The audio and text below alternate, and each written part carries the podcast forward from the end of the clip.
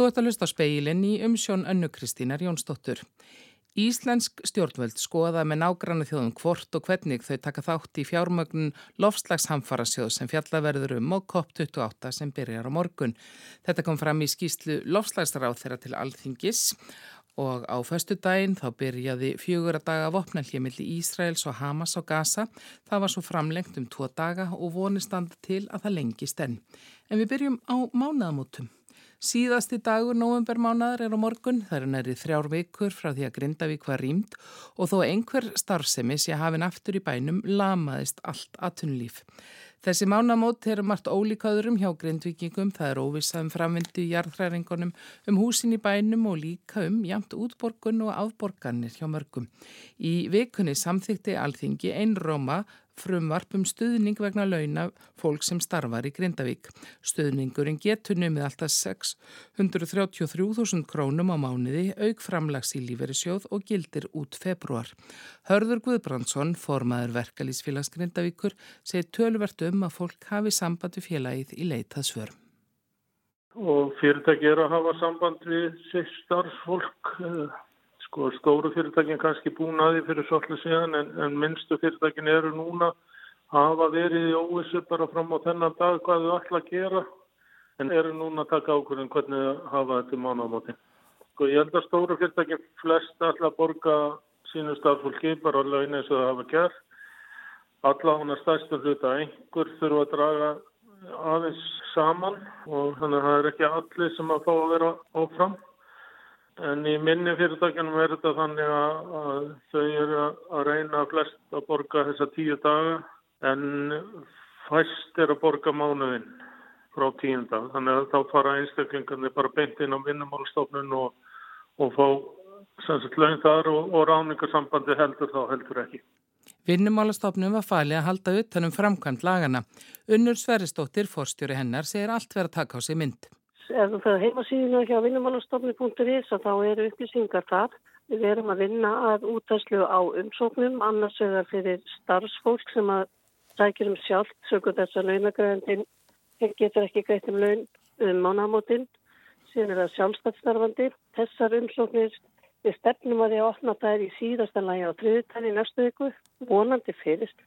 Það er þetta fylgjast með því á heimasíðinu hjá okkur. En síðan verður nú meira kemd svo að fyrirtækin greiði launin til starfsfólks fyrir nógumber og sækir síðan um styrt til okkar og við munum uh, greiða þann á dagar sem að fólk gæti ekki sýnt vinnunni. Þannig að meginlega verður svo að við munum styrkja fyrirtækin til að greiða launin, þannig við helst ráningarsambandið á milli lönglegana og, og vinnveitanda eða aðrunarreikanda og, og starfsfólks. Það er meginreglan og markmið þessara laga. Önnur segir að fáðu fólk ekki greitt fullmánaðalaun heldur aðeins fyrstu tíu dagana geti það sótt um beint til vinnumálstofnar og fengið greiðslu fyrir þá daga sem eftir standa. Þessir atbyrður hafa litt til mikill röskunar og högum fólks. Einhverjir eru komnir í aðra vinnu, segir Hörður. Aðrir eru farnir að skoða sitt þannig að En sumir eru náttúrulega bara ennþá að reyna átt að sér á stöðunni og vinna úr sínum málum. Þú veist, fólk er enna að reyna að koma bætnánu sínum í skóla og leikskóla og þetta allt saman. Þannig að þetta er bara svolítið alls konar hjá fólki. Nú hefur við auðvitað heyrt að því að það er einhver starf sem er farin af stað aftur. Veistu eitthvað hversu margir eru komnir aftur í vinnu inn í bæ? Nei, ég hef svo sem ekki nákvæm að tölur, sko, ég hef nú bara eiginlega séð þetta í fréttum eins og aðrir, sko, en þetta eru nú brekkar fáir. Þetta eru þeir sem eru kringu veitu fyrirtækinu og eru að reyna að koma lögnánum í lag. Þar fyrir utan er þetta bara einhver eittu fyrirtæki sem að svona með algjöru lámastar sem er. Laugin gilda út februar eins og aður segði. Þannig að þetta er svona skamtíma björgunar aðgeri, getur við sagt. Bara verða að bregðast við ástandinu svona þessu bráða vanda sem er uppi núna. Hafið þið fengið þegar marga fyrirspurnir út af þessu? Já, já, við hefum fengið heilmikið af fyrirspurnum en við hefum líka búin að vera duglega að setja núna á heimasíðuna þannig að fólk ætti að geta leita fangað og fengið flestar upplýsingar þar en annars getur það syngt eða komið og fengið frekar upplýsingar eða senda okkur tölupósta líka. Og það kemur þá fram þarna hvaða gögg fólk þarf að hafa Já, já, já, já. Það kemur allt fram í umsóknarferlinu hvað þú þarfst að leggja fram til þess að fá þessa greiðslis. En eins og segi við stefnum að því að opna fyrir þessu umsóknur eigi síðar en á þriðu daginn fyrir sagt, einstaklingana sem hafa ekki fengið greiðlaun og sjálfsættarlandi. En fyrir fyrirtækin sjálf þá verður það um 9. desember. Staðan er flókin, það er ekki einfalt fyrir alla að komast aftur til vinnu, jafnvel þó starfsemi hefist aftur, segir hörður. Fólk tvístraðist um landið, er kannski ekki komið með leikskólapláss og þarf líka vera til taks fyrir börnin sín. Í Grindavík vann margt erlendverka fólk, flest pólverjar. Töluverður hópur þeirra fóru landi fljótli eftir að bærin var rýmdur. En síðan erum við náttúrulega með fólk af erlendum ættum sem eru búin að koma sér fyrir og kaupa sér hús og koma með fjölskyld og svona. Það er mjög stór hluti líka hjá okkur og þeir eru síðan ekki með sama baklandi eins og innfættir þannig að þeir eiga í svona, hvað við segja, meiri vandra með, með að finna út úr sínu málum. Það, það tekum lengri tíma og er aðeins erfiðara hjá þessu fólki heldur en innfættir sem hafa kannski meira bakland hérna innanvars. Hörður segi fátum svör hjá verkefælisfélaginu annað en að benda fólki á að skrá sig á lista yfir þá sem vantar húsnaði, marga vantar húsaskjól til lengri tíma. Það eru þó nokkur stór hópur sem hafa bara úræði fram í miðjan desembersiska og síðan annar hópur sem er bara með úræði fram í byrjun janúr sem við höfum heilt. Þannig að við, ég veit ekki alveg hvernig mun bara fyrir þessu fólki þegar það kemur út á markaðin en vonandi verður komið úræði hérna í gegnum stjórnvöld sem að geta gripið þetta fólk á þeim tíma sagði Hörður Guðbrandsson formaður verkalýsfélags Grindavíkur og líka var rætt við unni Sveristóttur forstjóra vinnumálastofnunar.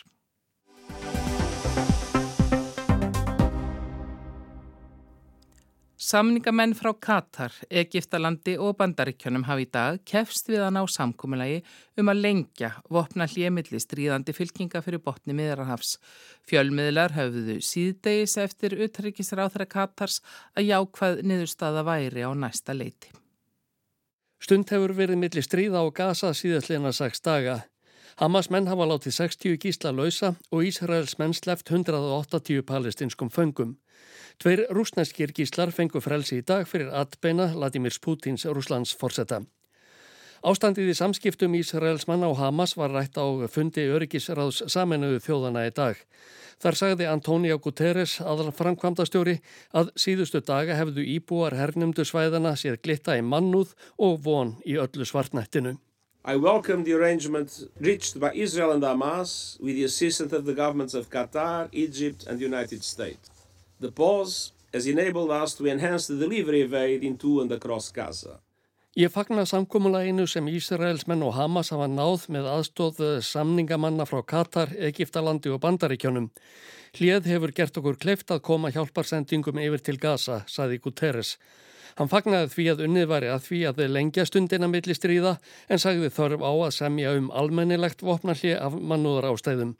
Það væri ófrávíkjanlega krafa að stefna að tveggja ríkja lausni deilum þjóðana samkvamt álíktunum saminuðu þjóðana og alþjóðlegum sáttmálum. Antoni Blinkan, utanríkis ráþara bandaríkjana, er vantanlegur til Ísraels á morgun.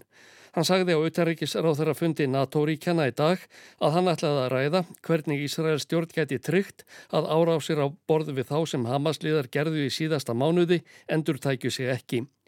Einnig hvernig hægt væri að auka mannúðaraðstóð við íbúa á gasasvæðinu og draga þannig úr þjáningum þeirra. Eilon Levy, talsmaður Ísraels stjórnar, sagði á fundi með frettamönnum í Tel Aviv í dag að líkast til væri enþá 161 gísli haldi Hamasmann á Gaza, 146 Ísraelar, 15 útlendingar, 126 karlar og 35 konur. Hann sagði að fjögur börn og ungmenni varum þeirra á meðal og 10 75 ára og eldri. Levi gaggrindi meðferð Hamasmann á gíslunum. Átta ára telpa sagðan að geti ekki tjáð sig nema með kvísli því að henni hefði verið skipað að hafa hljótt meðan hún var í haldi. Hann hafði eftir föðurennar að henni fyndist henni hafi verið haldið nauður í heilt ár. Levi sagði að framtað fyrirverandi gíslar hefðu greint frá því að þeim hefði sumum tilvíkum ekki verið hleft á salerni fyrir en klukkustund eftir að þeir báðu um að komast ángað. Einnig sagðan dæmi um að gíslar hefðu ekki fengið nóg að borða. The health ministry has reported that elderly women abducted by Hamas lost between 8 and 15 kilos on average, as well as, of course, being denied vital medication. This is starvation, this is abuse, this is torture. Heilbreyðisraðunetið hefur greint frá því að aldraðar konur sem Hamas liðar rendu hafi mist á bílinu 8-15 kíló meðan þær voru í haldi, auk þess sem þeim var neitað um lífsnöðsynlega líf, saði Levi. Þær voru sveltar, þeim var miðstyrmt, þær voru pintaðar. Hann bætti við að Ísrael stjórn hefði farið fram á að fulltrúa Rauðakrossins fengið að kanna aðstæður gíslana en því hefði verið neitað. Það er skiljanlegt því að þeim er haldið við ómannúðlegar aðstæður, sagðan. Recep Tayyip Erdogan, fórseti Tyrklands, sparaði ekki stóru orðin í gard fórsættisráð þeirra Ísraels þegar hann rætti ástandið fyrir botni miðjararhafs á þingflokksfundi réttlætis og þróunarflokksins AKP í dag.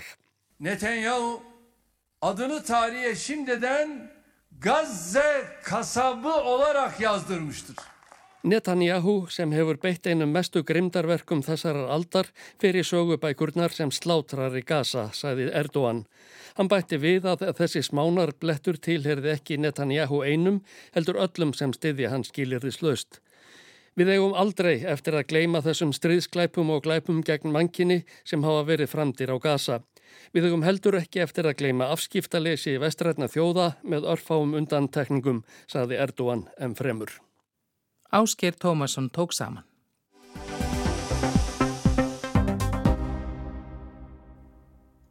Lofslagsráð þeirra flutti alþingi gær munlega skýrslu um markmið Íslands á lofslagsráðstefnu saminuð þjóðana sem byrjar í saminuðu arabísku fyrstadæminum á morgun.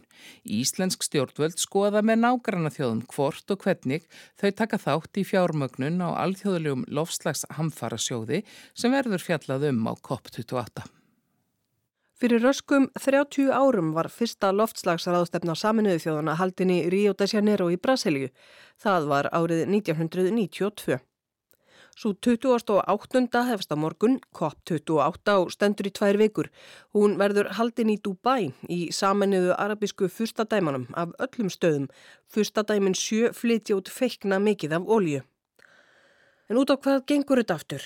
Rennum yfir það helsta og byrjum á nafninu. COP28 skamstöfunin stendur fyrir Conference of the Parties eða ráðstefna aðeldaríkjana og það er átt við aðeldaríki að alþjóðlegum samningum um loftslagsmál.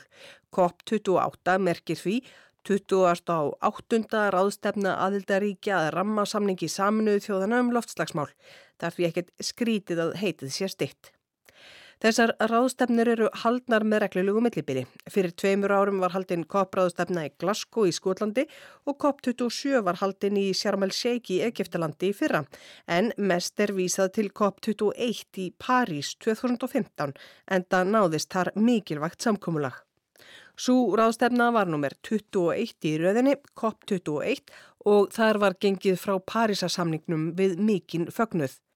Markmið samningsins eins og framkom í máli þáverandi utanríkisráð þeirra frakka Lorenz Fabius sem leitti fundin var að halda hlínunjarðar undir tveimur gráðum á Celsius, helst einni og hálfri gráðu. Bien en deçà de 2 degrés et de s'efforcer de limiter cette augmentation à 1,5 degrés, ce qui permettrait Og það er miðað við innbyltingu að hlínuninn verð ekki meiri að meðalagi en 2 gráður á Celsius frá því fyrir innbyltingu. En hvernig er staðan? Samkvæmt upplýsingum frá Haldóri Bjössinni, loftslagsfræðingi og viðstofunni hefur hlínuninn hingað til numið um það byl 1,2 gráðum á Celsius. En hann bendir á að þar sem að í ár hefur verið óvenju heitt sé útlitt fyrir að hlínuninn á þessu ári í heild nálgist 1,35 gráðu á Celsius. Til þess að ná þessum markmiðum Parísasamkomlagsins um hitastíð þurfa ríki að ná kólefnis hlutleysi um miðja öldina eða rétt þar á eftir. Íslensk stjórnveld stefna því að ná kólefnis hlutleysi tíu árum fyrr, 2040. Ríki eiga samkvæmt Parísasáttmálanum að setja sér markmiðum að draga úr losun gróðrúsaloftegunda. Ísland gerði það og er með sameileg markmið með Evropasambandinu og Noregi. Fyrir tveimur árum var markið sett hærra en áður, 55% samdráttur í losun til ásins 2030. Parísasamningurinn á líka stöðlaða því að ríki geti tekist á við afleðingar loftslagsbreytinga með aðlugun og stuðningi, hinn að svo nefndu þróuðuríkja við svo kölluð þróunaríki. Ríku þjóðundar til einföldunar þær sem yðnvættust og menguðu fyrr eiga að leggja þeim fátakari til fjö til að fjármagna loftslagsaðgerðir. Þróðulöndin lofuðu í sambandi við Parísasamningan árið 2015 að leggja í þetta verkefni 100 miljardar bandarækjadala á hverju ári frá árinu 2020. Þetta hefur ekki verið staðið við. Núna á COP28 á að meta hvaða árangri ríkin sem skrifuðu undir Parísasáttmálan hafa náð í að draga úr losun gróðrúsaloftegunda. Það á líka að leggja áherslu á hvernig hægt sé að flýta fyrir því að skipt verði yfir í reyna orku, orku skiptum og vinnaða nýju samkómulagi um hvernig hinn auðuguríki greiði hinn um fátækari fjö til að fara í loftslagsaðgerðir. Svo að huga þeim samfélögum sem að verða verst úti vegna loftslagsbreytinga og þá að reyna að virka fleiri, fá fleiri á loftslagsvagnin. En ákvaðleggja íslensk stjórnveld áherslu á loftslagsraðstöfninu sem byrjar á morgun. Guðlaugur Þór Þórðarsson, loftslagsráð þeirra flutti alþingi í gær munlega skýrslu um markmið Íslands á loftslagsraðstöfninu. Hann minnir á að ef markmið Parísas áttmálans eiga nást þurfi að herða verulega á aðgerðum. Annað stórt mál sem mun vantilega fá talsverða aðtikli er umfjöldunum uh, loftlagshamfara sjóðin en á síðast ári var tekin ákvörðun um að hann skildi stopnaður. Tillögu gerur á fyrir að Alþjóðabankin visti sjóðin fyrstu árin. Í öllum undirbúningi hefur verið lögð áherslu á að fá fjármunni víðar að enn frá þjóðuríkjum, svo sem frá alþjóðlegum fjármálastofnunum og engaðarum. Ekki liggur endanlega fyrir hvernig fjármögnun sjóðsins verði útfærð og ríki komin misjaflega langt varðandi ákvörðun þar um. Við erum að skoða það með eh, nágrann þjóðum okkar hvernig við eh, gætum komið að þeim málum en ekkert liggur enn fyrir um það. En við munum að sjálfsögðu skoða það mikill alvöru eh, hvernig og, og þá hvort aðkoma Ísland er best útfærð. Ráð þar að segja að velverði fylst með umræðu um markaði með kólefniseiningar. En það er málefni sem hefur fengið talsverða umfyllin hér á landi og margir sem sínta á því mikinn áhuga. Reyndar er það meira heldur en áhugi og við erum að sjá að eh, íslensk fyrirtæki eru farin að hasla sér völl á þessu sviði.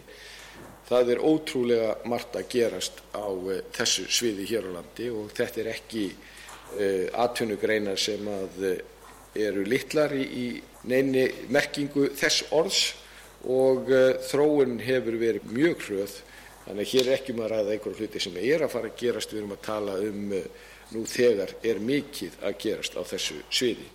Það þurfum við að leggja áherslu á að halda í markmiðum að hitastig hækki ekki meira en um eina og halva gráðum.